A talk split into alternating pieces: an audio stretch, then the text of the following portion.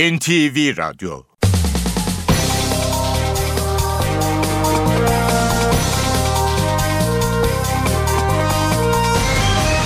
İşe Giderken Mutlu sabahlar. Ben Aynur Altunkaş. Bugün 15 Nisan Salı. İşe giderken de Türkiye ve dünya gündemine yakından bakacağız. 7.35'te Ayhan Aktaş spor haberlerini aktaracak. 8.35'te Emrah Kayalıoğlu işe giderken sporda bizimle olacak. Gündemin başlıklarıyla başlayalım. Yüksek Seçim Kurulu Cumhurbaşkanlığı seçim takvimini belirledi. İlk tur 10 Ağustos'ta, ikinci tur 24 Ağustos'ta yapılacak. Yurt dışında yaşayan vatandaşlar da oy kullanabilecek. Twitter yetkilileri Ankara'ya geldi. Mahkeme kararına uyulması, Türkiye'de ofis açılması ve vergi yükümlülüğü konuları görüşüldü. AK Parti Diyarbakır Milletvekili Cuma İçten'in paralel yapıya hizmet etmek ve usulsüzlükle suçladığı Dicle Üniversitesi'nden iki akademisyen istifa etti. Adana'da geçen hafta yasa dışı dinleme soruşturmasında tutuklanan 6 polisle MIT'e ait tırların durdurulmasıyla ilgili tutuklanan 2 asker tahliye edildi. Ukrayna'nın doğusunda Rusya yanlısı güçler kamu binalarını işgal etmeye devam ediyor. İstanbul Valisi Hüseyin Avni Mutlu 1 Mayıs'ta Taksim'de toplu kutlamaya izin verilmeyeceğini açıkladı. Denizlerde balık avı yasağı gece yarısından itibaren başladı. Yasak 1 Eylül'e kadar devam edecek. İşe giderken gazetelerin gündemi.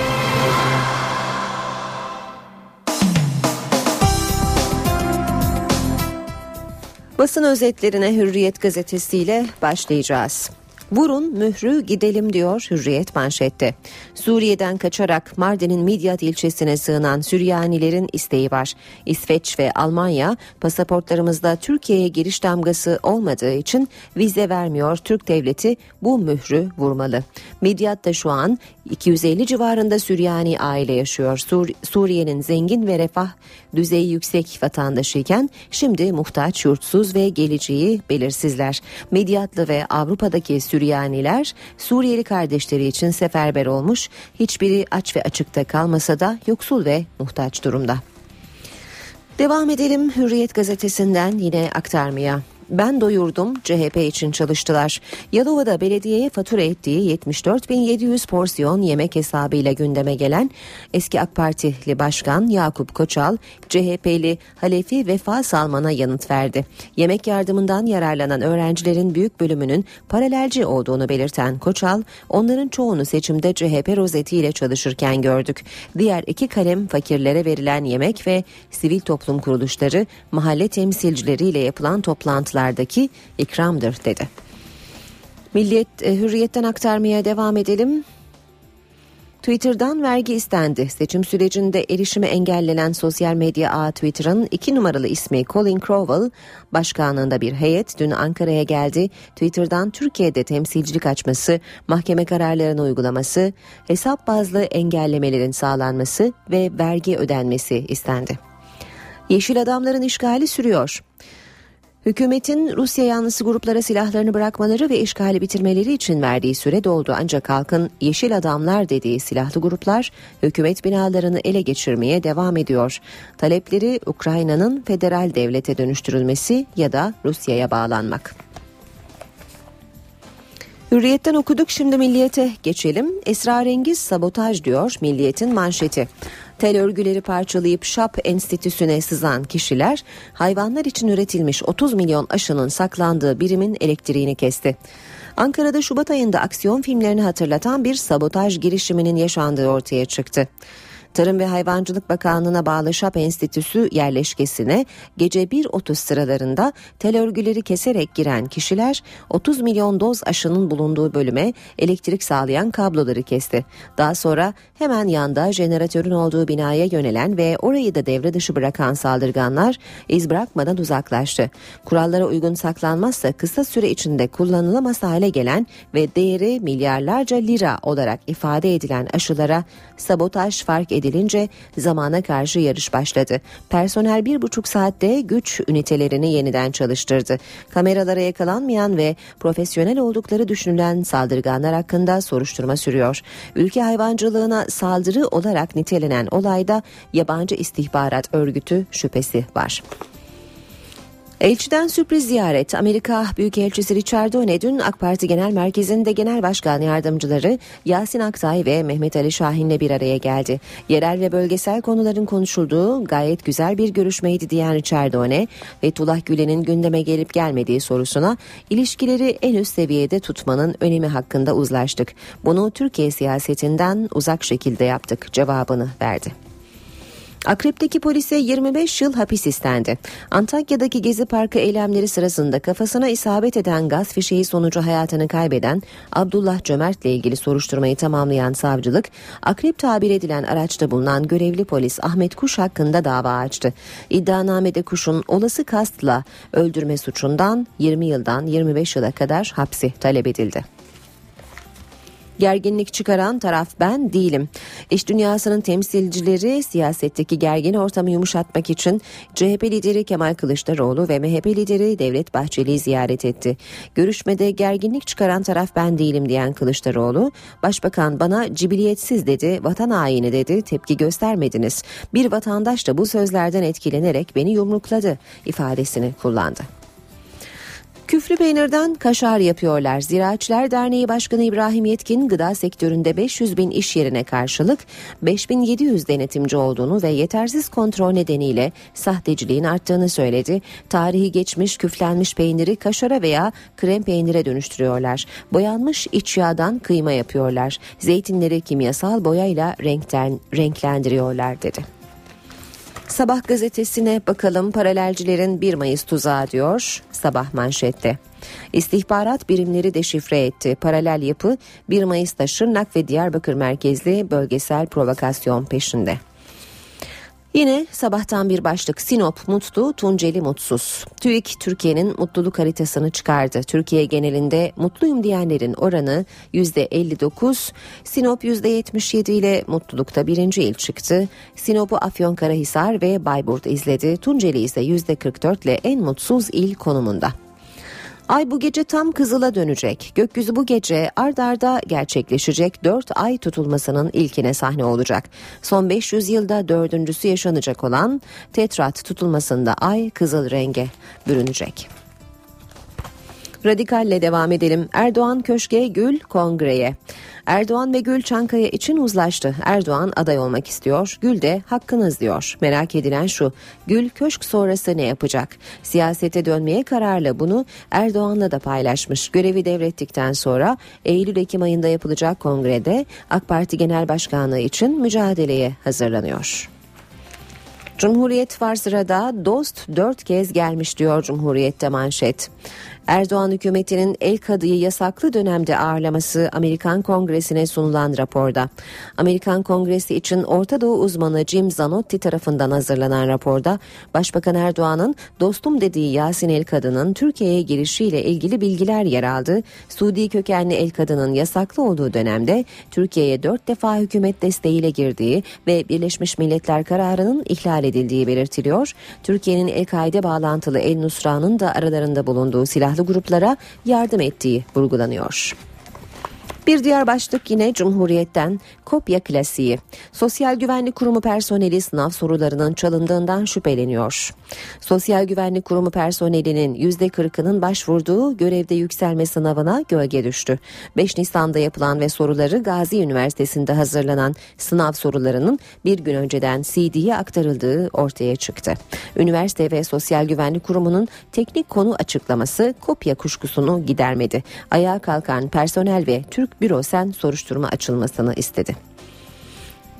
Yakın tarihte kurultay yok. Değişim beklentisi başlığıyla devam edelim. CHP seçim sonuçlarını 18 Nisan'daki parti meclisinde masaya yatıracak. Ulusalcılar cemaat açılımının partiye zarar verdiğini belirtirken Baykal kanadı parti meclisi seçimli kurultay istiyor. Cumhurbaşkanlığı seçiminin yakın olması nedeniyle kurultay seçeneğine çok sıcak bakmayan Kılıçdaroğlu'nun Merkez Yönetim Kurulu değişikliğine gidebileceği belirtiliyor. Devam ediyoruz basın özetlerine. İşe giderken de Star gazetesi manşette Twitter Ankara'yı öğrendi diyor. Twitter'ın 2 ve 3 numaralı ismi Ankara'da Başbakanlık, BTK ve TİB yetkilileriyle görüştü. Daha iyi iletişim ve taleplerle ilgili daha hızlı karar almak konusunda uzlaşıldı. Habertürk gazetesiyle devam ediyoruz. Manşet kayıp kimlik ömrünü yedi. Kaybettiği kimliği kız kaçırma cinayetinde kullanılınca hayatı kabusa dönen GG devletten tazminat istiyor. İstanbul'da yaşayan GG 2004 yılında kimliğini kaybetti yenisini çıkardı. Ancak kaybettiği kimlik 2 yıl sonra kızar kız kaçırma nedeniyle işlenen bir cinayet mahallinde bulundu.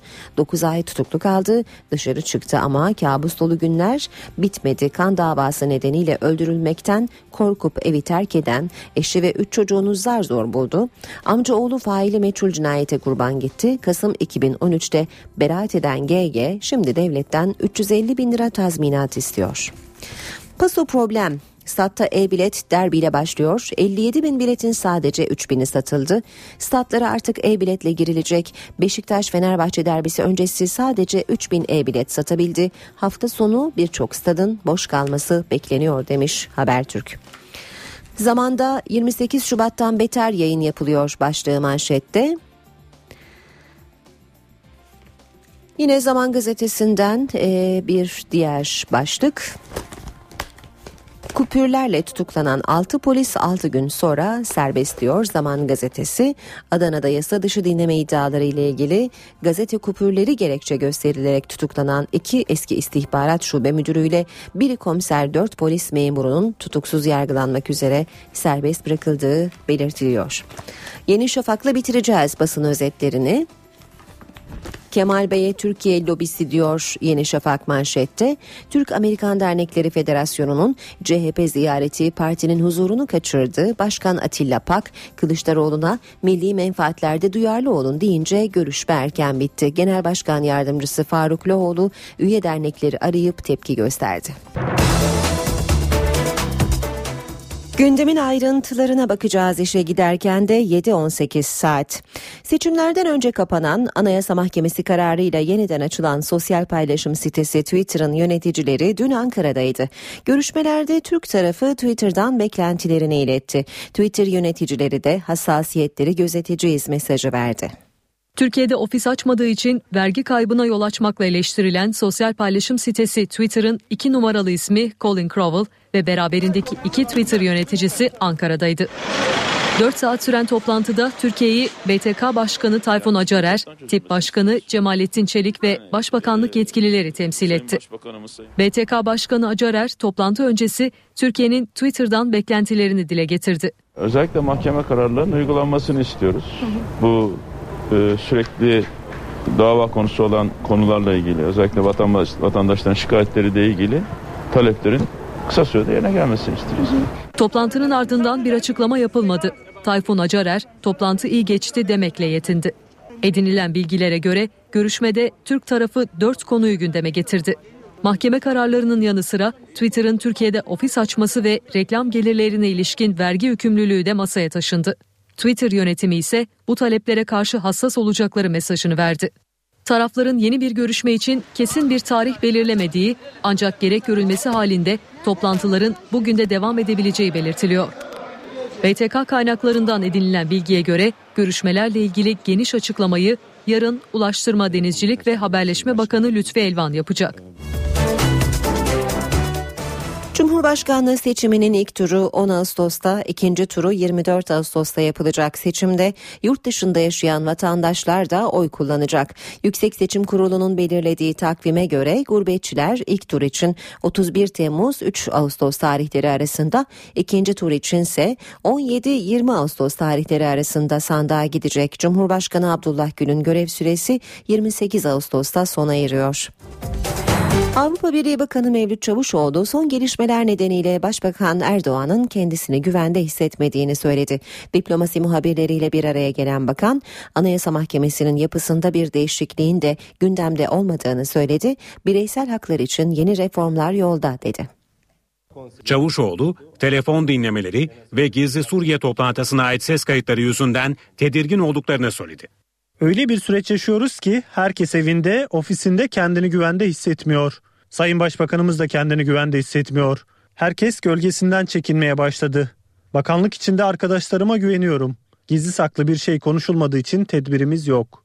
Diplomasi muhabirleriyle bir araya gelen Çavuşoğlu, Avrupa Birliği'nden Türkiye'ye yöneltilen ifade özgürlüğü eleştirilerine de yanıt verdi.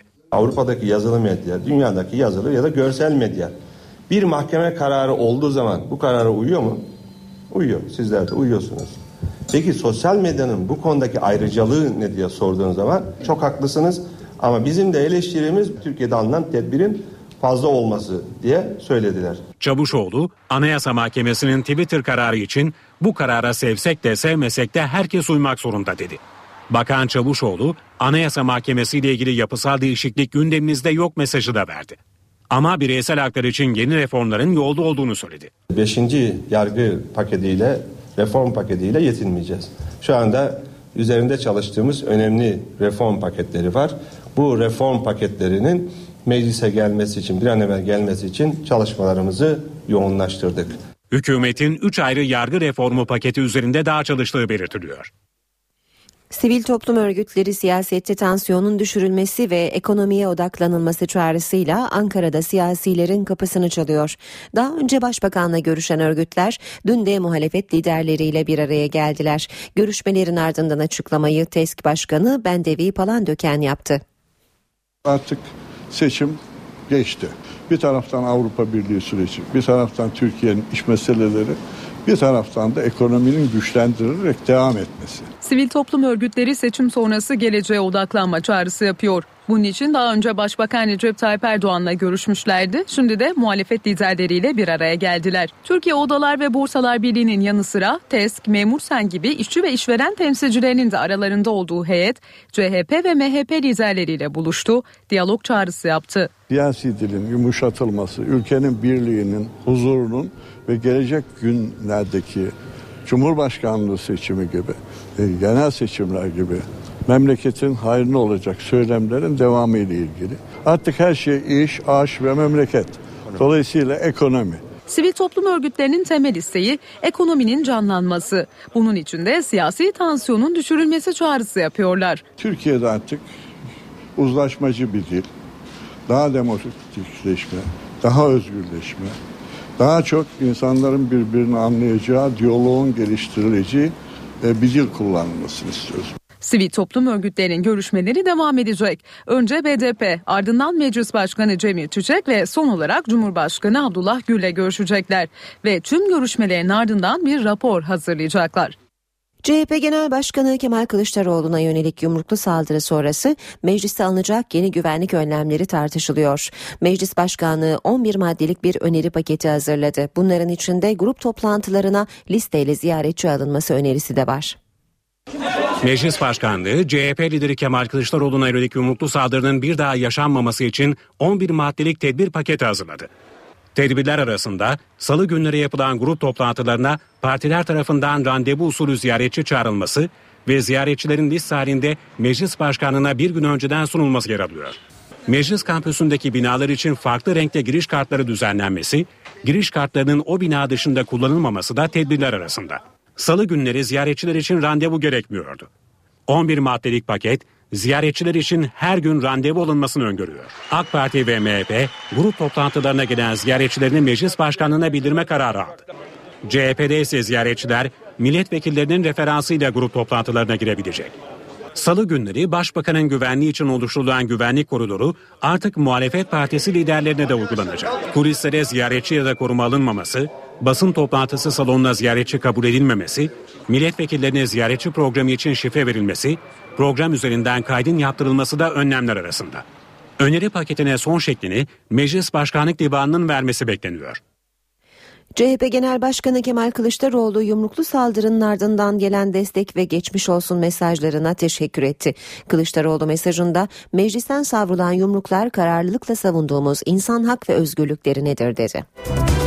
Adana'da MIT'e ait tırların durdurulması ile ilgili tutuklanan iki asker tahliye edildi. Soruşturma kapsamında Ankara'da gözaltına alınan bir assubayla bir yüzbaşı Adana'ya sevk edilerek tutuklanmıştı. Adana'daki yasa dışı dinleme soruşturmasında tutuklanan biri emekli 6 polis de tahliye edildi. Sanıklar usulsüz dinleme ve özel hayatın gizliliğini ihlal etmekle suçlanıyor. AK Parti Diyarbakır Milletvekili Cuma İçten'in paralel yapıya hizmet etmek ve usulsüzlükle suçladığı Dicle Üniversitesi'nden iki istifa haberi geldi. Rektör yardımcısı Aytekin Sır'la Sağlık Bilimleri Enstitüsü Müdürü Salih Hoşoğlu görevinden ayrıldı. Aytekin Sır, bilimsel çalışmalarına daha rahat bir ortamda devam edebilmek için istifa ettiğini açıkladı. Dicle Üniversitesi Rektörü Ayşegül Jale Saraç ise iddialara basın toplantısıyla yanıt verdi. Yolsuzluk iddiası için kendileri kendilerinden önceki yönetimi işaret eden rektör Sayıştay ve YÖK'ün gerekli incelemeyi yaptığını söyledi. Rektör Saraç iddiaların başörtüsü takmasından sonra gündeme gelmesinin bilinçli olduğunu ileri sürdü. Amerika'nın Ankara Büyükelçisi Francis Richardone, AK Parti Genel Merkezi'nde Genel Başkan Yardımcıları Yasin Aktay ve Mehmet Ali Şahin'le görüştü. Richardone görüşmelerde yerel ve bölgesel konuların görüşüldüğünü söyledi. Büyükelçiye Gülen cemaati görüşmede gündeme geldi mi sorusu da yöneltildi. Şahin'le olağan görüşmelerden birini yaptık. Ayrıca Sayın Aktay'la tanışmıştım, onun için de geldim. Yerel ve bölgesel konular konuşuldu. Gayet güzel görüşme oldu. Ukrayna, Suriye, Irak, İran, Kıbrıs, İsrail ve Filistin konularıyla Amerika Birleşik Devletleri Türkiye ilişkilerini de görüştük. Richard One, görüşmede Fethullah Gülen konusu gündeme geldi mi sorusuna ise diplomatik bir dille yanıt verdi. Türkiye, Amerika Birleşik Devletleri ilişkilerini üst seviyede tutmanın önemi hakkında uzlaştık. Bunu Türkiye ve Amerika Birleşik Devletleri'nin çıkarları doğrultusunda ve Türkiye'nin siyasetinden uzak şekilde yaptık. Büyükelçi, Amerika Birleşik Devletleri Temsilciler Meclisi Dış İlişkiler Komitesi'nde kabul edilen sözde Ermeni soykırım tasarısının da görüşmede gündeme geldiğini söyledi. Ancak ayrıntı vermedi. Ermeni soykırımı iddialarının yıl dönümü olan 24 Nisan öncesinde Ankara'nın Amerika Birleşik Devletleri'nden önemli bir ziyaretçisi var. Temsilciler Meclisi Başkanı John Bonner. Bonner, Meclis Başkanı Cemil Çiçek'in davetlisi olarak bugün Ankara'da görüşmeler yapacak. Cumhurbaşkanı ve Başbakanla da görüşecek olan Bonner'a Ermeni soykırımı iddiaları ile ilgili Amerikan Senatosu Dış İlişkiler Alt Komitesi'nden geçen tasarıdan duyulan rahatsızlık iletilecek. İşçi Sendikaları Konfederasyonları liderleri 1 Mayıs Taksim'de kutlansın talebiyle İstanbul Valisi Hüseyin Avni Mutlu ile toplantı yaptı. Ancak Vali Mutlu 1 Mayıs'ta Taksim'de toplu kutlamaya izin verilmeyeceğini söyledi. Kutlamalar için Yeni Kapı'ya adres gösterdi. Yeni Kapı'da yapılacak olan böyle bir mitingin şehrin her bakımdan daha düzenli, daha tertipli bir organizasyona ev sahipliği yapacağını vurguladım henüz daha valiliğimize 1 Mayıs Emek ve Dayanışma Günü'nün kutlanması ile ilgili yapılmış komite tarafından bir resmi müracaat yoktur. Taksim Meydanı işçilerimizin hem çelenk sunma hem de kazancı yokuşunda rahmetli işçilerimizi anma konusunda bir kutlamaya açık olduğunu özellikle belirttik. Disk Başkanı Kani Beko ise Taksim talebinden son güne kadar vazgeçmeyeceklerini söyledi. Yatağın termik santrali ve kömür ocaklarının özelleştirilmesine karşı çıkan işçiler Ankara'da eylemdeydi. İşçilerin Özelleştirme İdaresi Başkanlığı önündeki zincirli eylemine polis müdahale etti, 10 işçi gözaltına alındı. Ankara'daki özelleştirme karşıtı eylem 10 kişinin gözaltına alınmasıyla sonuçlandı. Türk İş'e bağlı TESİŞ ve Maden İş Sendikası üyesi işçiler Özelleştirme İdaresi Başkanlığı binası önünde toplandı. İşçiler yatağın termik santrali ve kömür ocaklarının özelleştirilmesine tepki göstermek için kendilerini kurum binasında zincirledi. Polis işçilerin eylemine izin vermeyeceğini belirterek önce işçileri ikna etmeye çalıştı. Ancak bu yöntem sonuç vermeyince müdahale başladı. Polis kendilerini zincire bağlayan işçilerin zincirlerini demir kesme makasıyla keserek 10 işçiyi gözaltı yaptı. Gözaltılara tepki gösteren diğer işçiler binanın önüne gelerek gözaltıları engellemeye çalıştı. Bunun üzerine polis ekipleri gaz sıkarak işçileri dağıttı.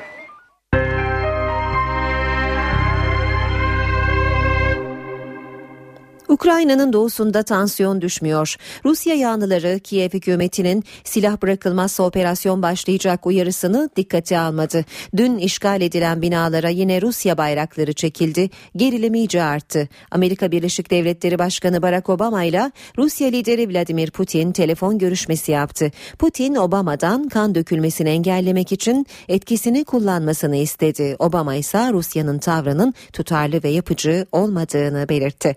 Avrupa Avrupa Birliği de Rusya'ya ek yaptırım uygulama kararı aldı. Banka hesapları dondurulan iş adamları listesi genişletilecek. Yüksek Seçim Kurulu Cumhurbaşkanlığı seçim takvimini belirledi. İlk tur 10 Ağustos'ta, ikinci tur 24 Ağustos'ta yapılacak. Yurt dışında yaşayan vatandaşlar da oy kullanabilecek. Twitter yetkilileri Ankara'ya geldi. Mahkeme kararına uyulması, Türkiye'de ofis açılması ve vergi yükümlülüğü konuları görüşüldü. AK Parti Diyarbakır Milletvekili Cuma İçten'in paralel yapıya hizmet etmek ve usulsüzlükle suçladığı Dicle Üniversitesi'nden iki akademisyen istifa etti. Adana'da geçen hafta yasa dışı dinleme soruşturmasında tutuklanan 6 polisle MIT'e ait tırların durdurulmasıyla ilgili tutuklanan 2 asker tahliye edildi. Ukrayna'nın doğusunda Rusya yanlısı güçler kamu binalarını işgal etmeye devam ediyor. İstanbul Valisi Hüseyin Avni Mutlu 1 Mayıs'ta Taksim'de toplu kutlamaya izin verilmeyeceğini açıkladı. Denizlerde balık avı yasağı gece yarısından itibaren başladı. Yasak 1 Eylül'e kadar devam edecek. Sırada spor haberleri var. Özellikle e-bilet tartışmaları bugün gündemin önüne çıkıyor gibi görünüyor. Ayrıntıları Ayhan Aktaş'tan alacağız.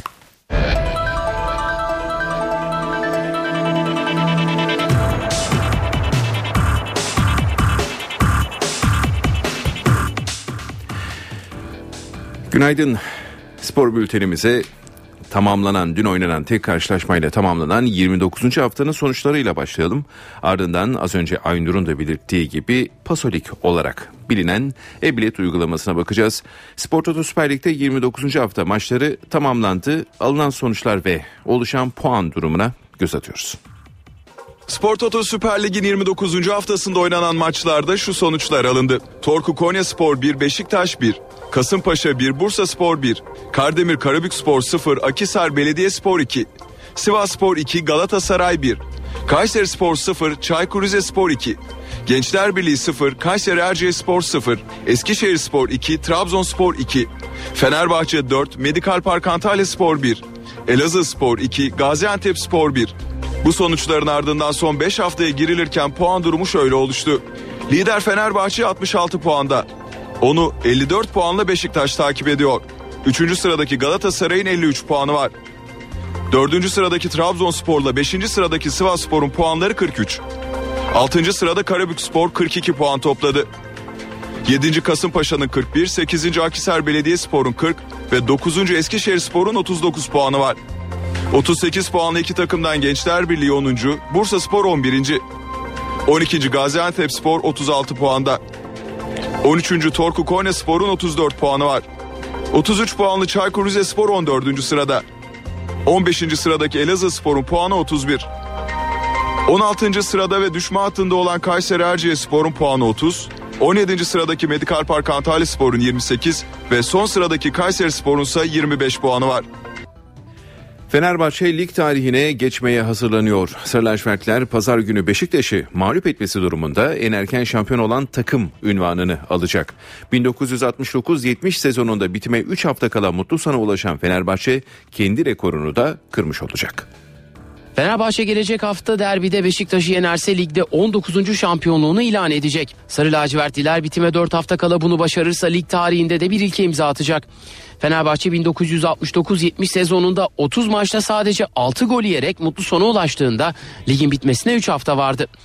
O sezonu Eskişehir Spor'un 7 puan önünde şampiyon tamamlayan Fenerbahçe'nin erken şampiyonluğuna bu sezona kadar yaklaşan olmamıştı. Daha önce 2 puanlı sistemde ligin bitimine 3 hafta kala şampiyonluğa ulaşan Fenerbahçe Beşiktaş'ı yenmesi halinde kendi rekorunu 3 puanlı sistemde kırabilir. Ersun Yanal'ın öğrencileri derbiden istediği sonucu alamayıp sonraki hafta şampiyonluğunu ilan ederse de eski başarısını tekrar etmiş olacak. Avrupa şampiyonu olan Galatasaray Odeabank kadın basketbol takımına bir kutlamada Roberto Mancini'den geldi. Basketbolcuları kendilerine örnek almaları gerektiğini vurgulayan İtalyan teknik adam Bursa Spor karşılaşmasıyla ilgili görüşlerini de paylaştı. Galatasaray Teknik Direktörü Roberto Mancini'den Avrupa şampiyonu kadın basketbolculara tebrik. İtalyan teknik adam Bursa Spor'la oynayacakları Zira Türkiye Kupası yarı final rövanş maçı öncesinde Galatasaray televizyonuna açıklamalarda bulundu. İlk olarak kadınlar Euroleague'de şampiyon olan Galatasaray Odea Bank'ı kutlayan Roberto Mancini, kadın basketbol takımını tebrik ediyorum. Çok önemli bir kupa kazandılar. Bizden daha iyi bir iş çıkardılar. Biz de umarım bir gün Avrupa'da bu kupayı kazanmayı başarırız dedi. Türkiye Kupası'ndaki hedeflerini anlatan Mancini artık ligin ve kupanın geriye kalanında hedeflerimize ulaşmak istiyoruz. Bunlardan biri Türkiye Kupası'nı kazanmak. İkinci hedefimiz de ligi ikinci sırada bitirip Şampiyonlar Ligi'ne gitmek. Hafta sonu aldığımız bir mağlubiyet var. Beraber olursak, birlikte çalışırsak bunun üstünden gelebiliriz, hedeflerimize ulaşabiliriz diye konuştu. Ve Beşiktaş siyah beyazlı kulüp yöneticisi Ahmet Kavalcı Fenerbahçe derbisini kazanarak Şampiyonlar Ligi'ne katılma şanslarının devam ettireceklerini söyledi. Son haftalarda yaşanan hakem hatalarından yakınan Kavalcı ülkedeki tüm hakemler Beşiktaş maçında mı yetişecek diye konuştu. Beşiktaş Yönetim Kurulu üyesi Ahmet Kavalcı Fenerbahçe derbisi öncesi NTV Spor'a yaptığı açıklamada son haftalardaki hakem hatalarına dikkat çekti. Fenerbahçe ile kritik bir derbiye çıkacaklarını belirten Kavalcı artık hakem performanslarını konuşmaktan sıkıldıklarını ve sadece futbol konuşmak istediklerini söyledi. Kavalcı, Fenerbahçe'yi yenerek yolumuza devam edeceğiz. Bu sezon maçlarımızın ardından birçok kez hakemleri konuşmak zorunda kaldık. Özellikle bazı karşılaşmalarımızı atanan genç ve tecrübesiz hakemlerin hataları bizi olumsuz etkiledi. Artık hakem konuşmak istemiyoruz. Maçların ardından hakem konuşmaktan oyuncularımızın performansını değerlendirmeye fırsat kalmıyor diye konuştu.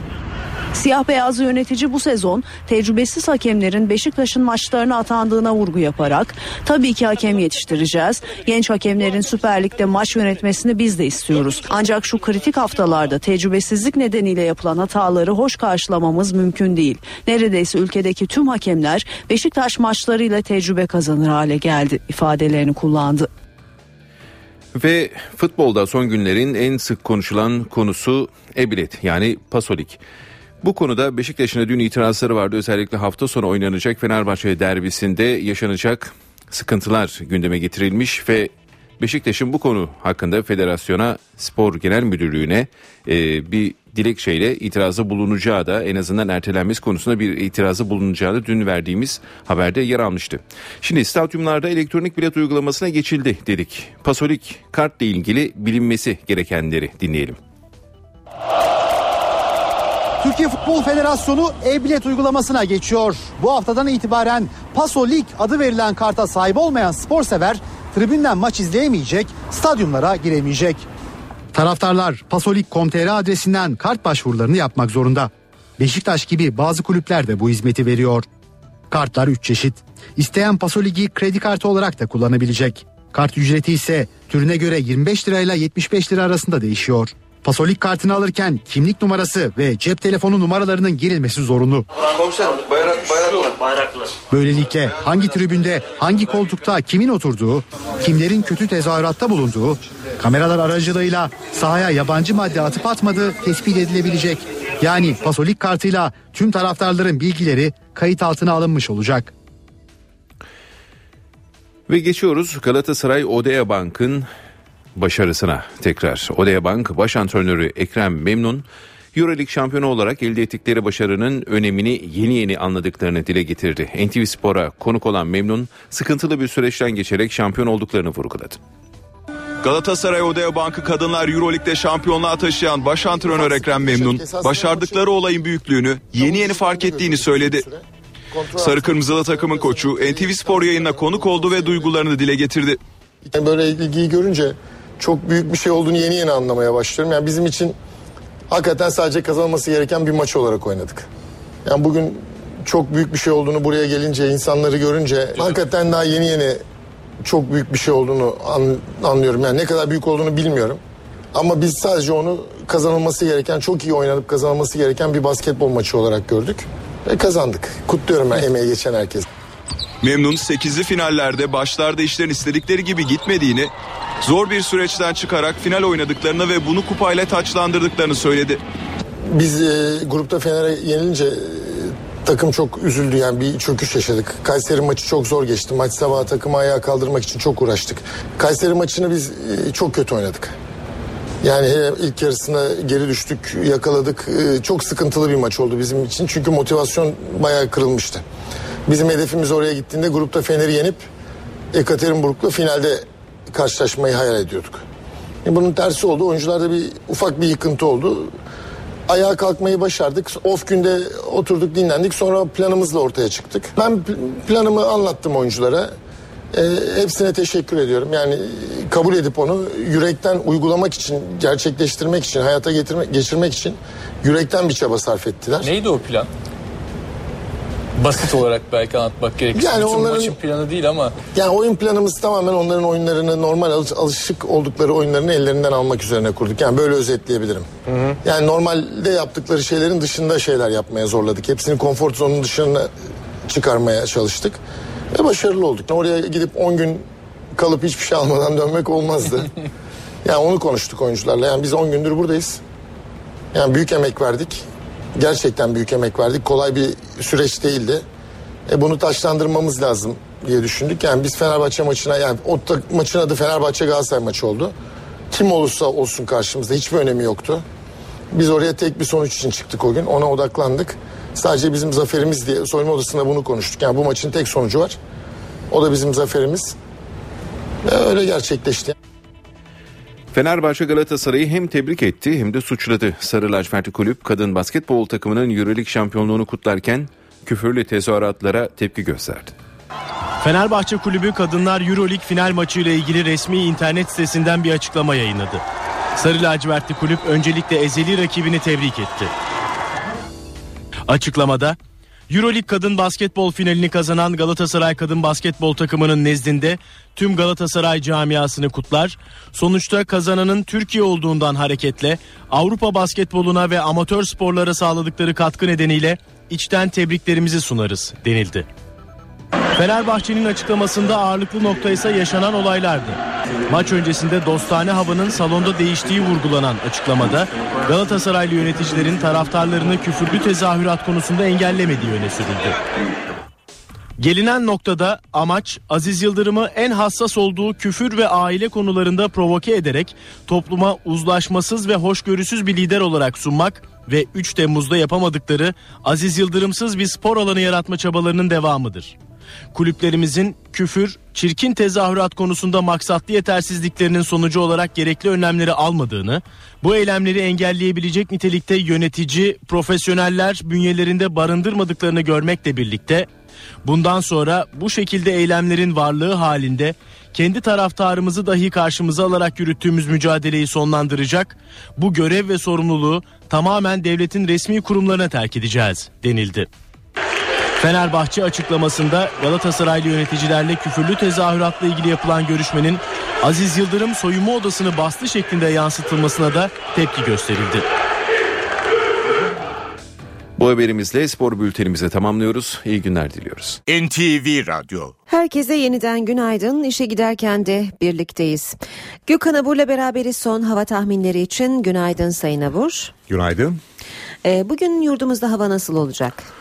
Bugün sıcaklıklar yükselmeye devam ediyor. Özellikle güneyli rüzgarlar Ege'den başlayarak sıcaklıkları daha da yükseltecek. İç kesimlerde hafif yağış geçişleri var. Şu an itibariyle Konya Niğde arasında yağış hafif olarak devam ediyor. Gün içinde İç Anadolu bölgesinde yağış olacak. Doğuda yağış var. Öğle saatlerinden itibaren Doğu Akdeniz'de ve Güneydoğu'da yine yer yer kısa süreli sağanak yağmur geçişleri bekliyoruz. Evet doğudaki yağışlar aralıklarla devam ederken akşam saatlerinde Trakya'da artacak bulutlanma özellikle Edirne Kırklareli civarında hafif yağış bırakabilir. Sıcaklıklar yükseliyor demiştim. Yarınsa yarın Lodos'un taşıdığı sıcak ve nemli hava bulutlanmayı artıracak ve özellikle kıyı Ege ve Trakya'dan başlayarak batı yeni bir yağışlı havanın etkisi altına girecek. Bu yağışlar perşembe günü giderek etkisini arttıracak. Özellikle perşembe günü e, Trakya'da ve kıyı Ege'de daha kuvvetli olmak üzere Marmara'nın tamamı Batı Akdeniz yağışlı havanın etkisine girecek ve bu yağışlar iç kesimlere doğru ilerlemesini sürdürecek. Ama Lodos kuzeye döneceği için Cuma'dan itibaren yine Marmara bölgesinden başlayarak sıcaklıkların 5-6 derece birden azalmasını bekliyoruz. Bu yağışlar aralıklarla ülke genelindeki etkisini haftanın ikinci yarısı daha belirgin şekilde sürdürmeye devam edecek. Şu anda İstanbul'da hafif de olsa bir pus var. Bu pus bugün sıcaklığın daha da yükseleceğinin bir göstergesi. Gün içinde lodos esecek bir ara karayla rüzgar dönecek öğle saatlerinde ve sıcaklık bugün İstanbul'da 18 derece. Yarınsa sıcaklığın daha da yükselip 19-20 derecelere kadar çıkmasını bekliyoruz. Ankara'da şu anda hava genellikle parçalı bulutlu. İlerleyen saatlerde artacak bulutlanma kısa süreli yağış bırakacak. Sıcaklık ise bugün 17 derece civarında olacak. İzmir'de hava açık. Hafif bir pus var körfezde sıcaklık bugün 22 dereceye geçecek. Çarşambadan itibaren biraz önce söyledim.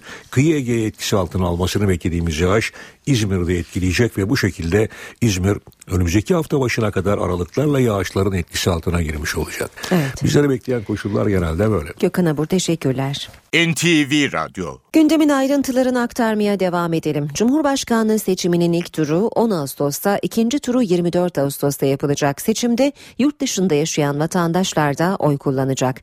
Yüksek Seçim Kurulu'nun belirlediği takvime göre gurbetçiler ilk tur için 31 Temmuz 3 Ağustos tarihleri arasında, ikinci tur içinse 17-20 Ağustos tarihleri arasında sandığa gidecek. Cumhurbaşkanı Abdullah Gül'ün görev süresi 28 Ağustos'ta sona eriyor. Seçimlerden önce kapanan Anayasa Mahkemesi kararıyla yeniden açılan sosyal paylaşım sitesi Twitter'ın yöneticileri dün Ankara'daydı. Görüşmelerde Türk tarafı Twitter'dan beklentilerini iletti. Twitter yöneticileri de hassasiyetleri gözeteceğiz mesajı verdi. Türkiye'de ofis açmadığı için vergi kaybına yol açmakla eleştirilen sosyal paylaşım sitesi Twitter'ın iki numaralı ismi Colin Crowell ve beraberindeki iki Twitter yöneticisi Ankara'daydı. 4 saat süren toplantıda Türkiye'yi BTK Başkanı Tayfun Acarer, Tip Başkanı Cemalettin Çelik ve Başbakanlık yetkilileri temsil etti. BTK Başkanı Acarer toplantı öncesi Türkiye'nin Twitter'dan beklentilerini dile getirdi. Özellikle mahkeme kararlarının uygulanmasını istiyoruz. Bu e, sürekli dava konusu olan konularla ilgili özellikle vatandaş, vatandaşların şikayetleri de ilgili taleplerin kısa sürede yerine gelmesini istiyoruz. Toplantının ardından bir açıklama yapılmadı. Tayfun Acarer toplantı iyi geçti demekle yetindi. Edinilen bilgilere göre görüşmede Türk tarafı dört konuyu gündeme getirdi. Mahkeme kararlarının yanı sıra Twitter'ın Türkiye'de ofis açması ve reklam gelirlerine ilişkin vergi yükümlülüğü de masaya taşındı. Twitter yönetimi ise bu taleplere karşı hassas olacakları mesajını verdi. Tarafların yeni bir görüşme için kesin bir tarih belirlemediği ancak gerek görülmesi halinde toplantıların bugün de devam edebileceği belirtiliyor. BTK kaynaklarından edinilen bilgiye göre görüşmelerle ilgili geniş açıklamayı yarın Ulaştırma Denizcilik ve Haberleşme Bakanı Lütfi Elvan yapacak. BDP Muş Milletvekili Demir Çelik yerel yönetimlerin yeraltı kaynaklarından pay alması gerektiğini savundu. Çelik'in bu önerisine Enerji ve Tabi Kaynaklar Bakanı Taner Yıldız'dan tepki geldi. Yıldız, devlet hakkı içinde ayrı bir devlet hakkı söz konusu olamaz dedi. Türkiye enerji kaynağının %90'ı Karakaya, Atatürk, Keban Barajı başta olmak üzere yüzlerce hidroelektrik santralden üretiliyor. Ama paydan nemalanmaya, yaralanmaya gelince üvey evlat muamelesi görüyor. Vergi ve gelirden yararlanmayan biz oluyoruz. Belediyeler yeraltı kaynaklarından pay almalı. BDP Muş Milletvekili Demir Çelik ve Diyarbakır Büyükşehir Belediye Eş Başkanı Gülten Kışanak 3 gün arayla aynı öneriyi gündeme getirdi. Bu bölgesel yönetimler Türkiye'nin demokratikleşmesinin, demokrasiye duyarlı hale gelmesinin çözüm yoludur diyoruz. Bu manada da önermemiz Türkiye'nin 25 bölgesel yönetimlere evrilmesi ancak hükümet BDP kanadından gelen bu talebe tepkili. Devlet hakkı içerisinde ayrı bir devlet hakkı söz konusu olmaz. Böyle bir şeye sıcak bakmamız mümkün değil. Enerji ve Tabi Kaynaklar Bakanı Taner Yıldız ayrılıkçı olarak değerlendirdiği bu görüşe karşı çıktı. Buradan farklı mesajlar çıkartmaya çalışanlara da e, böyle bir yaklaşımlarının doğru olmadığını açıkça söylememiz lazım. Türkiye bütün zenginlikleriyle beraber bir bütün ve bunu hep beraber sağlıyoruz. Bunun doğusu batısı kuzeyi güneyi olmaz. Her birimiz kazandığımızı ortak havuza koyuyoruz ve hep beraber oradan paylaşıyoruz. CHP'nin İstanbul Büyükşehir Belediye Başkan adayı Mustafa Sarıgül CHP'de genel başkanlık koltuğuna mı oturacak? Bu soru partinin genel başkan yardımcısı Gürsel Tekin'e soruldu. Tekin'in yanıtı sert oldu. Gazetecinin cahili de Allah kimseye göstermesin. CHP Genel Başkan Yardımcısı Gürsel Tekin'in bu tepkisi kendisine yöneltilen bir soruya yönelik. Tekin'e CHP'nin İstanbul Büyükşehir Belediye Başkan adayı Mustafa Sarıgül'ün CHP Genel Başkan Yardımcısı olup olmayacağı soruldu. Bir gazeteci en azından bir siyasi partilerde yöneticilik ne olur diye bakılır ya. Bunu da bakmamışsa ne diyeceğim ben? CHP tüzüğüne göre genel başkan parti meclis üyeleri arasından genel başkan yardımcılarını belirliyor. Parti meclis üyeleri de kongrede seçimle iş başına geliyor. Ama Sarıgül parti meclisine üye değil. Peki yakın zamanda CHP'de olağanüstü kongre olur mu? Olağanüstü kurultay koşullarını delegasyon, delege belirler. Bugüne kadar herhangi e, bir e, Cumhuriyet Halk Partisi delegesinin e, kongre talebinin olmadığını çok açık ve net bir şekilde görüyoruz. Cumhuriyet Halk Partisi'nde bir kongre sorunu yok. Geçen hafta CHP lideri Kılıçdaroğlu ile bir araya gelen ve seçim sonuçlarını değerlendiren Sarıgül aynı soruya benim görevim partimin iktidar olmasını sağlamak. İkinci görevimde onurla şerefle talebesi olduğum CHP bayrağını burçlara dikmek yanıtını vermişti.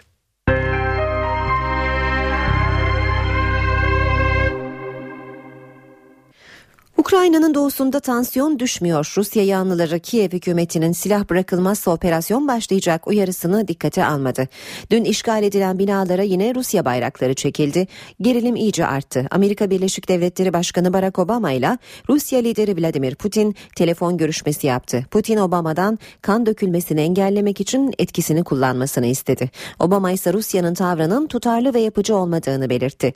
İki lider de diplomatik çabaların sürmesi konusunda hemfikir olduğunu açıkladı. İki ülke ilişkilerine gelen son hamle ise Karadeniz'de gerçekleşti. Amerika'nın Karadeniz'deki savaş gemisi Rus uçaklarınca taciz edildi. Pentagon sözcüsü provokatif eylem uluslararası protokollere aykırı dedi. Avrupa Birliği de Rusya'ya ek yaptırım uygulama kararı aldı.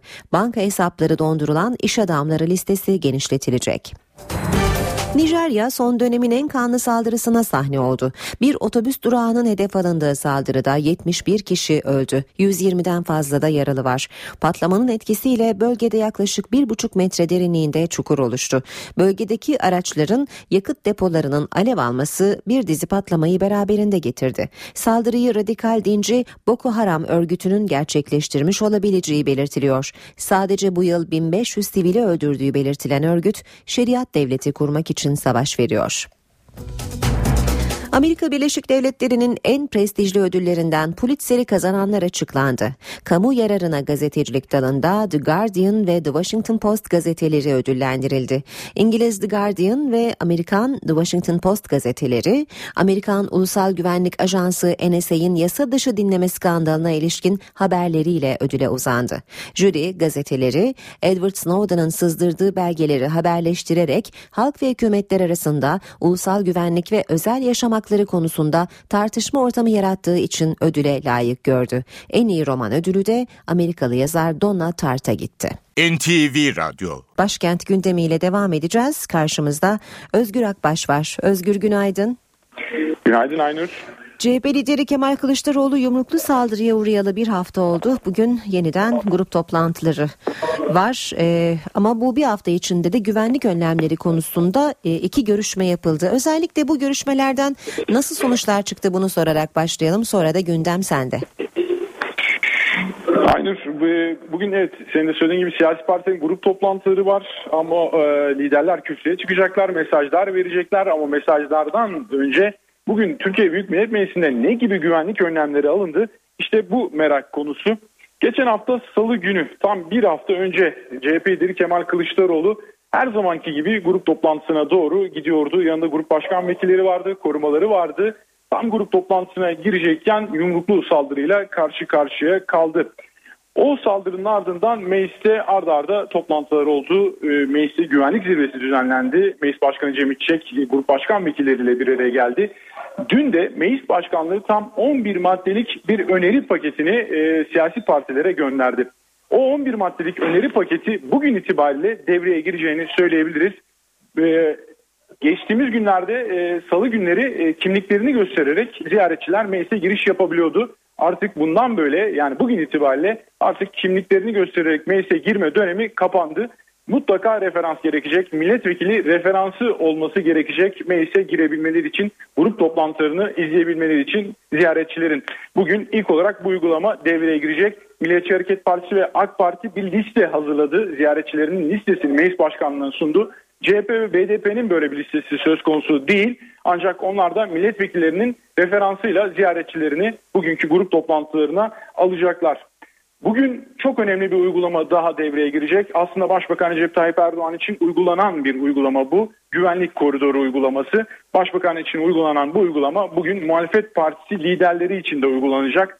Bahçeli, Demirtaş ve Kılıçdaroğlu güvenlik koridorundan geçerek e, grup toplantısına girecek. Yani ziyaretçilerle temas olmayacak. Liderler ziyaretçilerle temas içine girmeyecek. Aslında bu daha önce de uygulanıyordu mecliste ancak Cumhuriyet Halk Partisi ziyaretçilerle aramızda bir koridor oluşturmayın diyerek bunu kaldırtmıştı. Bugün bu uygulama bir kez daha devreye girecek bunu söyleyelim. E, tabii bu güvenlik önlemleri öncelikli olarak dikkat çekecek ama ardından da e, liderler kürsüye çıkacaklar ve onlar da onların mesajları da dikkatle takip edilecek.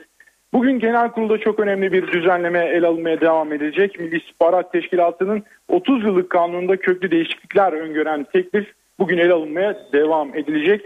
15 maddeden oluşuyor teklif. iki bölüm ayrıldı. Ee, birinci bölümün birinci maddesinin görüşmeleri tamamlanamamıştı geçen hafta. Oldukça büyük tartışmalar çıkmıştı. Bugün e, görüşmelere devam edilecek. Tabii en çok burada merak edilen MIT'in e, Türkiye Büyük Millet Meclisi'nin denetimine nasıl açılacağı e, o konu gerçekten merak konusu. E, bu konuda bir e, istihbarat ve güvenlik denetim komisyonu adı altında e, iktidar ve muhalefet milletvekillerinin oluşturduğu yeni bir ihtisas komisyonunun kurulması da gündemde. Böyle bir önerge AK Parti hazırlığı içinde bu önergeyi ya bugün ya da yarın e, kanun görüşmeleri sırasında verecek. E, ama bu konuyla ilgili iş düzünde değişmesi gerektiğini de söyleyelim. E, bugün e, önemli konukları var başkent Ankara'nın Amerika Birleşik Devletleri Temsilciler Meclisi Başkanı John Bohner bugün Ankara'da olacak. Bohner hem Başbakan Erdoğan hem Meclis Başkanı Cem İçek hem de Cumhurbaşkanı Abdullah Gül'le görüşecek. Tabi görüşmelerde Ermeni soykırımı iddialarıyla ilgili Amerikan Senatosu Dış İlişkiler Alt Komisyonu'ndan geçen tasarının gündeme gelmesi ve bu konuyla ilgili Ankara'nın şikayetlerini sunması bekleniyor. Evet Ankara'da öne çıkan gündem başlıkları böyleydi Aynur. Özgür teşekkürler kolay gelsin.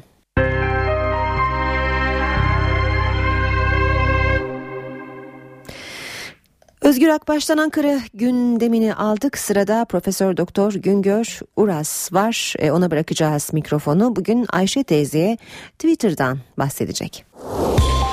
Ayşe teyze ne yapsın? Güngör Uras, Ayşe teyze ekonomide olan biteni anlatıyor. Merhaba sayın dinleyenler, merhaba Ayşe Hanım teyze, merhaba Ali Rıza Bey amca. Son günlerde bolca Twitter konuşuluyor. Nedir bu Twitter?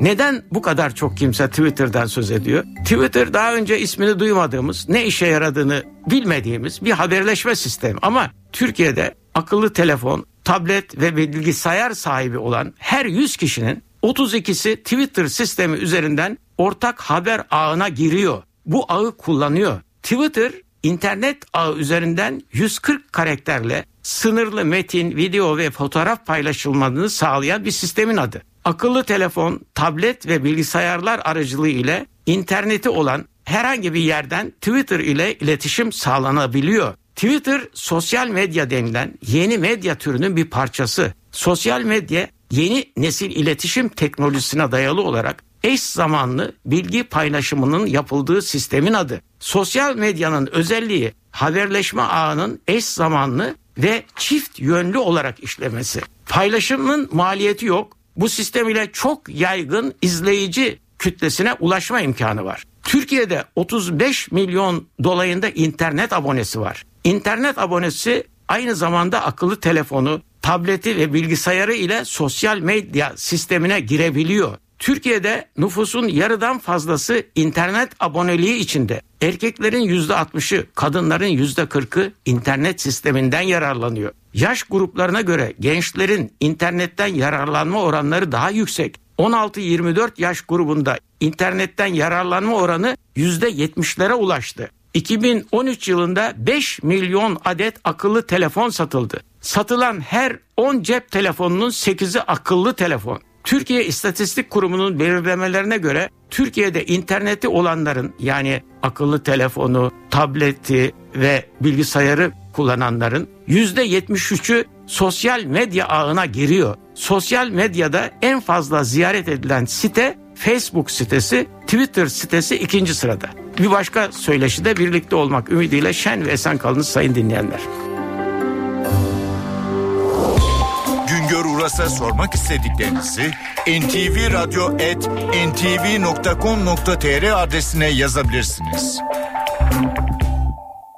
Devam edelim gündemde öne çıkan haberlerle ekonomi başlığından sürdürelim haberleri. Emlak vergileri her sene yapılan zammın haricinde arsa raiç değerleri nedeniyle 4 yılda bir güncelleniyor. Bu güncelleme vergide %100'ü aşan bir artışa neden oldu. Yaz Şenkad'ın haberi. Emlak vergisi ödeme dönemi başladı. Ev sahipleri %100'ü aşan zamla karşılaştı.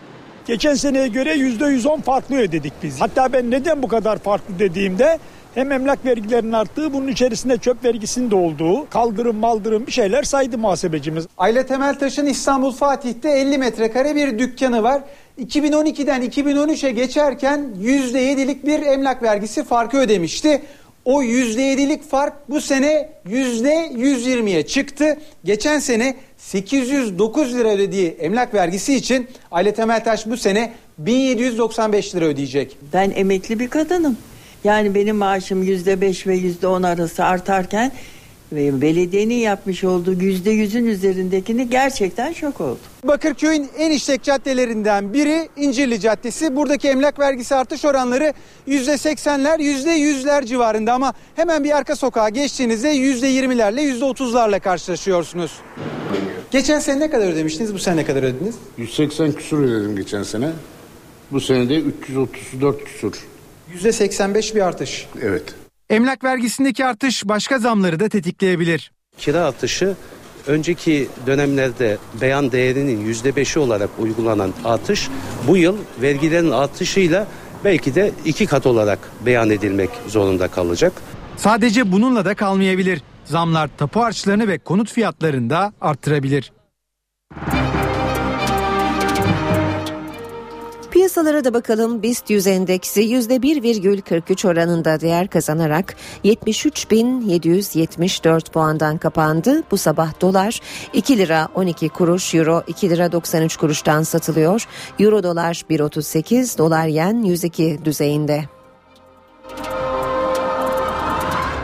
Altının onsu uluslararası piyasada 1320 dolar, kapalı çarşıda ise külçe altının gramı 90, çeyrek altın 158 liradan satılıyor. Brent petrolün varili 109 dolar. Emrah Kayalıoğlu'yla işe giderken spor. Ve işe giderken de sırada spor gündemi var. Günaydın herkese. Dün de konuştuk. Bugünü e-bilet mevzusunu dün giremeyeceğimiz belliydi. Bugüne bırakmıştık ama bugün de sabah kuşağı yetecek mi bilmiyorum. Belki on buçuk kuşağına da devrederiz. Ee, ama yani günün konusu sonuçta e, 14 Nisan itibariyle 14 Nisan 2014 itibariyle Türkiye'de yürürlüğe girmiş olan e-bilet sistemi. Evet. Çok soru var. Bir panik havası var. Ee, Şimdi maçlar e, maçların oynanmasına birkaç gün kaldı. Önce Ziraat Türkiye Kupası ardından e, Fenerbahçe Beşiktaş derbisi var ve hala insanlar e, da birçok soru işareti var. Sonuçta sadece Fenerbahçe Beşiktaş Fenerbahçe derbisi yok. O hafta bütün lig maçlarımız Evet da var. evet ama hani derbi yani ön önemli diye olan, ön planda çıkardım. olan maç. O Hı hı. maç e, tabii ki vitrin maçı bu haftanın o maç. E, onun için herkes o maç üzerinden konuşuyor. E, ama e, oynanacak olan 9 tane Süper Lig, e, bir o kadar e, PTT 1. Lig e, maçında e, yani bunlarla ilgili de bu Pasolik olayı artık düğmeye basıldı. Başlıyor uygulama. Peki Emrah Kayalıoğlu nedir Pasolik? Pasolik bir kart aslında. Yani bugün itibariyle e, iki aşamayla artık yani bir tanesini bir kere yaptığınız, e, yılda bir kere yaptığınız, bir tanesini ise her maç için normal bilet alma işlemi olarak yapacağınız iki ayrı işlemle artık maça giriliyor. Bir tanesini ama dediğim gibi Pasolik'i bir kere yapıyorsunuz. Bir kart bu. E, yani kulüplerin uyguladığı taraftar kartı sistemine de benziyor. E, ama sonuçta bir e, ayrı bir e, tüzel kişilik var karşınızda. Onun bir internet sitesi var. İnternet sitesine giriyorsunuz pasolik.com.tr'ye. Orada belli bilgiler giriyorsunuz. Fotoğrafınızı yüklüyorsunuz. ve e, bir kart sahibi oluyorsunuz. Ama bu kart sizi maçlara girme imkanı vermiyor. Bu kart üzerine bilet yüklemesi yapmanız kaydıyla maçlara girme Aslında- imkanı veriyor ama tabii sadece bilet yüklemesini de bu kartınız olmadan yapamıyorsunuz. Hı Onun için iki aşamalı diyebiliriz. Bu belediyenin seyahat kartlarına benziyor aslında. Bir yerde yandan. Akbil gibi Evet, bakabiliriz. evet, Öyle evet. de bakabilirsiniz. Tabii. Şu enteresan dört büyüklerin taraftarına ayrı bir fiyat uygulaması diğer kulüp taraftarlarına ayrı fiyat uygulaması Evet, var. o zaten ben sistemde doğru bulmadığım işlerden biri o. Yani sonuçta e, o anlamda bence son derece yanlış. Öyle olmaması gerekirdi. Yani bu iş e, ya aslında burada zaten şunu da tartışmak lazım. Yani işin o tarafının belki de o kartın evet bir maliyeti var. Hı hı. Ama e, bu işi yapan firma e, o maliyetin çok çok üzerinde bir değere sahip e, bir data hazinesine sahip olacak. Yani zaten insanlar bu noktada belki de en çok karşı çıkılması gereken noktanın bu olması gerekiyordu. E, yani insanların bu kişiler kişisel bilgilerinin e, o ilgili kuruluş tarafından kullanılabilecek bir Evet, e, data evet. hazinesinden bahsediyoruz. Yani bu iş bugün Türkiye'de değil sadece sadece Türkiye'de değil dünyada da çok değerli bir bilgidir bu ve e, yani bedelsiz olarak yapılması gerekirdi. Benim şahsi kanaatim. Kartın maliyeti ne olursa olsun. Tabi burada şunu da söylüyorlar. Ee, o bedelin bir kısmı kulüplere, ciddi bir kısmı kulüplere gidecek deniyor. %50'nin üzerinde bir kısmı kulüplere gidecek deniyor. Ee, e tamam o zaman zaten maliyet çok düşükmüş demek ki. Aynı mantıkla bakarsanız o zaman o şirket bunu çok daha kolay göğüsleyebilirdi bence. Bu işin bence işin bedel tarafı. Şimdi burada bence şurasıyla başlayalım. Ee, yani daha doğrusu orasıyla devam edelim. Bu işin zamanlaması ile ilgili çok ciddi eleştiri var. Şunun şurasında 5 hafta kalmıştı ne oluyor diye. Ee, bu eleştirilere cevaben e, öne konan e, zorunluluk maddesi e, işte 14 Nisan 2011'de çıkmış olan sporda şiddet ve düzensizliğin önlenmesine dair Hı hı. kanun 62-22 sayılı kanun. O kanunun işte yıl yılının dolduğu tarihlerde Hı hı. yürürlüğe giriyor uygulamalar şeklinde bir savunma mekanizması var. Kanunen baktığınızda son derece doğru bir savunma Evet. mekanizması. Çünkü kanunda böyle bir yazılı bir süre taahhüdü varsa şu Yani kadar yayınlandıktan zamanda- iki, iki yıl İki sonra yürürlüğe üç yıl girecek. sonra yürürlüğe girer bir şey varsa bunu yönetmelikle düzeltemezsiniz. Kanunla düzeltmeniz Hı hı. Doğru o anlamda. Ee, ama şimdi açalım kanunu okuyalım. Ya ben sabah bir daha baktım çünkü öyle olmadığını biliyordum. 62-22 sayılı kanunun en sonunda bir geçiş hükümleri var. Oradaki geçici madde 1 de der ki kanunun 5. madde 4, 5, 7. fıkraları yani bu elektronik bilet uygulaması Hı hı. diyor tabi de yani orada tabi kanunun maddelerine referans verir. En üst kulüpler tarafından bir yıl diğer kulüpler tarafından 3 yıl içerisinde yerine getirilir. E zaten 2012'de bunu yapmış olmanız gerekiyordu o zaman. Geç kaldı bile evet. Yani demek ki bu kanunun üzerinden bir zaman esnekliği yapmışsınız zaten Doğru. zamanında. Yani şimdi bir 5 haftalık bir yani Neden bir beş aslında- hafta daha tolere yani edemiyorsunuz? işte burada yani bunları anlatamazsınız insanlara. Yani bu kanun şimdi siz orada savunma mekanizması olarak gayet rahat bir şekilde kardeşim kanun 14 Nisan 2011'de yürürlüğe girdi. 3 yıl içinde bunun tamamlanması gerekiyordu. Bu süre 14 Nisan 2014'te doldu. İşte onun için 14 Nisan'da başlıyor. Bunu söylediğinizde insanlar bir durur. Adam işte kanunen bağlı ne yapalım der. Ama işte bizim gibi gidip kanunu okuyanlar orada gayet net bir şekilde bu maddelerin en üst kulüpler tarafından bir yıl içerisinde yerine getirilmesi gerektiği maddesiyle karşılaşır. E bu madde 2012 14 Nisan'da doldu zaten bu süre. 14 Nisan 2012'den 14 Nisan 2014'e kadar bir esneklik 2 yıl tanıdıysanız 5 haftada tanırdınız yani. Evet, Bu o haklısınız. kadar zor değildi herhalde. Haklısınız. Yani böyle tutarsızlıklarla birlikte insanların o zaman sisteme güveni de kalmıyor. Yani e, bu noktada ben açık söyleyeyim daha bunu söylediğinizde zaten insanlar ya daha zaman konusunda bana doğruyu söylemiyorlar ki ben bu sistemin neresinde nasıl güveneceğim diye bu defa genelde bir sisteme tepki duymaya başlıyor. Şimdi aslında bu getirilen yenilik sporda şiddetin önlenmesi amacıyla mı yapıldı? Yapılıyor. Ee, yani Asıl amaç bu mudur? Amaç budur. Ee, söylenen amaç budur. Ee, evet yani ama bunun içinde şimdi şöyle filmin fotoğrafın geneline baktığınızda şöyle tablolarla karşılaşıyoruz. Bugün sporda şiddetin önlenmesine dair kanun 62-22 uyarınca ceza almış maçlara giremeyen kişi sayısı işte her sene bir açıklanıyor Evet. zaten bir binlerce insan Evet. var. Ee, ama bu insanların da maçlara gidip girdiğinde görüyoruz. Bunu engelleyemiyoruz. Hı hı. İşte biz bunu polisiye tedbirlerle beceremedik. Şimdi bakalım bu kartı getiriyoruz. Peki nasıl bir önlem olacak kart? Kartta bir kere TC kimlik numaranız yazıyor. Evet. Dolayısıyla e, o TC kimlik numarasının üzerinde bir statlara giremez kararı varsa bilet almaya kalktığınızda zaten alamazsınız. Alamıyorsunuz. Hani önceden aldığınız bir bilet varsa kapıya geldiğinizde giremez. Kapıdan giremiyorsunuz. Ha, Burada tabii hemen şey de geliyor insanların aklına. E ben başkasının kartıyla girerim. Hı hı. Onun kartına bileti yüklerim. Onun kartıyla girerim. Evet. Üzerinde suç olmayan. Ee, orada kartta fotoğraf var. Kartta kartı okuttuğunuzda makineye o fotoğraf içerideki ekranda da çıkıyor. Dolayısıyla başka biri iseniz Görülecek zaten Görünecek ekranda. zaten. Yine Yani- giremeyeceksin. Orada tabii yani artık güvenlikçilerle sorun yaşanır yaşanması Hmm. Onu bilemiyorum yani ama yani en azından böyle bir işin bu tarafında bir önlem tarafı var ama e, bu bu işi polisiye tedbirlerle halledemedik bakalım bu kartla halletme niyetindeyiz diye bir aslında işin itirafı boyutu da var içinde. Burada evet şiddeti bu şekilde e, önleme şeyi var ama e, dolaylı yoldan bu kart mevzusunun seyirci sayısını ben ciddi anlamda negatif etkileyeceğini bekliyorum.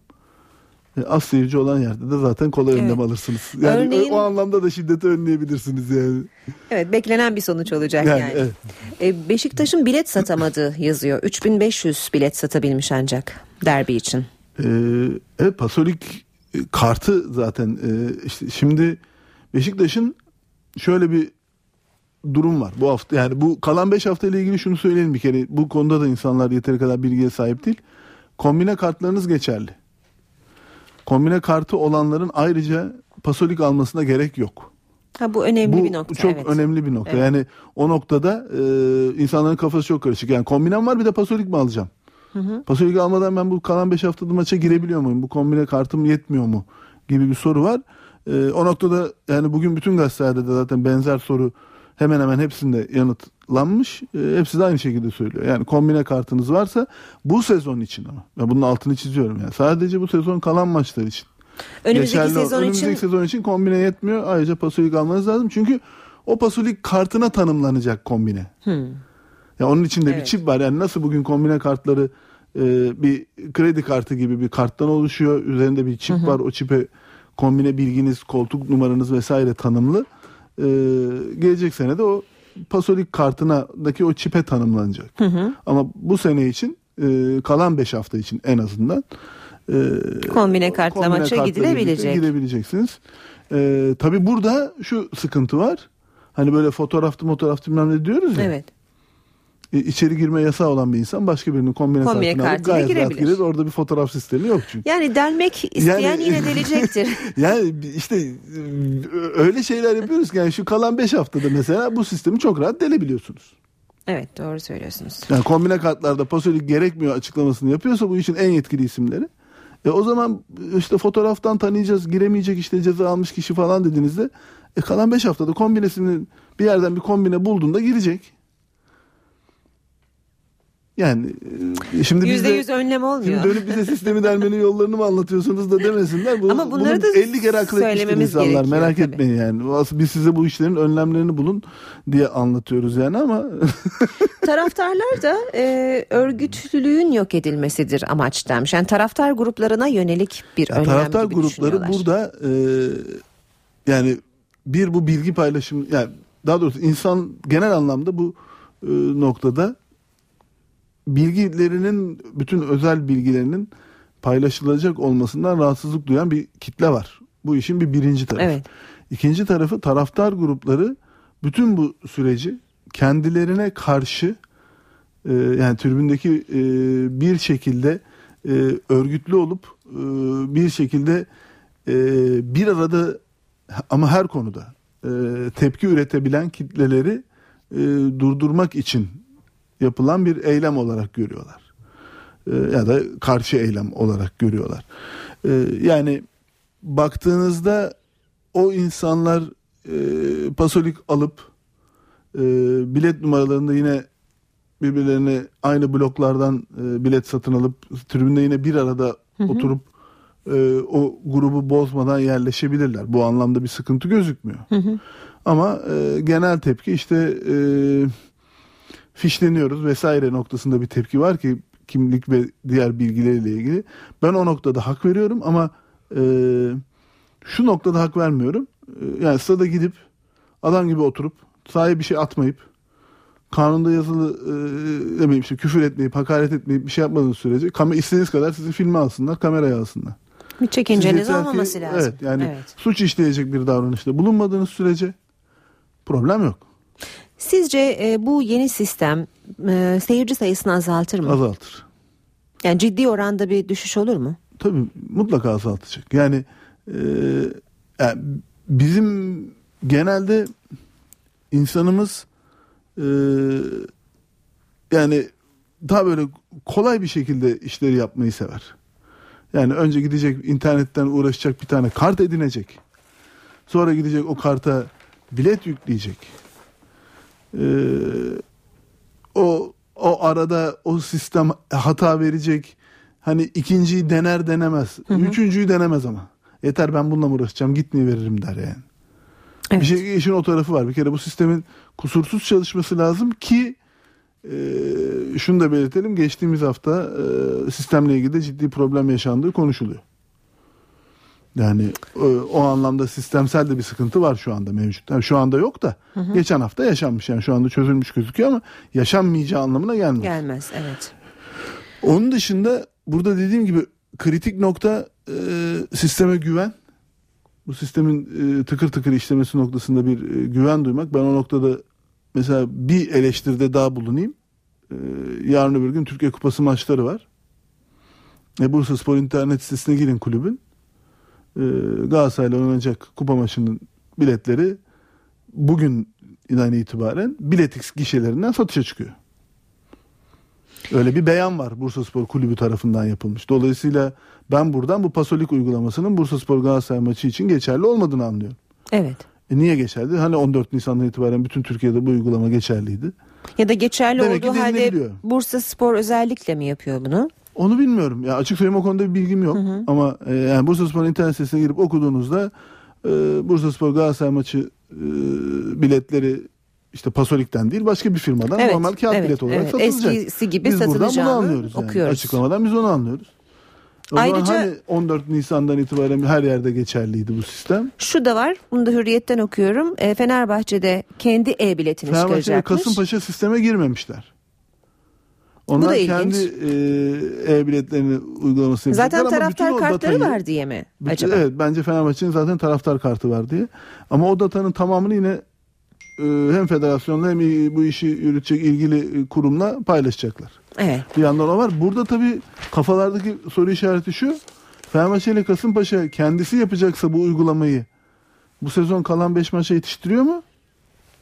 Yeni sezona mı devretti? Onlarda böyle bir istisna tanındıysa diğer kulüplere niye tanınmadı? Bu soruların da cevabını bilmiyoruz. evet hala cevabını bilmediğimiz sorular var. Ee, olabildiğince yanıt vermeye çalıştık galiba ama evet ama daha kaldı mi? tabii. E, şu, bugün, şu Süremizi anda bitirdik. süremiz bitti ama 10.30'da 10.30 haber devam edelim. sonra devam ederiz. Hem de Hatta- günün haberleriyle de devam ederiz. Devam Üstüne ederiz. şey olursa e, daha hala aklımıza soru gelirse hı. bu Paso Ligi daha uzun süre konuşuruz gibi duruyor. Evet. Aslında şunu da söyleyebiliriz sanırım e, bu konuda sorular, soruları olan dinleyicilerimiz NTV Radyo'nun Twitter ve Facebook adreslerine de yazabilirler. Onlara da cevap vermeye çalışırız. O halde şimdilik veda ediyoruz. Şimdi veda ediyoruz. 10.30 haber özetlerinden sonra tekrar görüşmek üzere. Hoşçakalın. NTV Radyo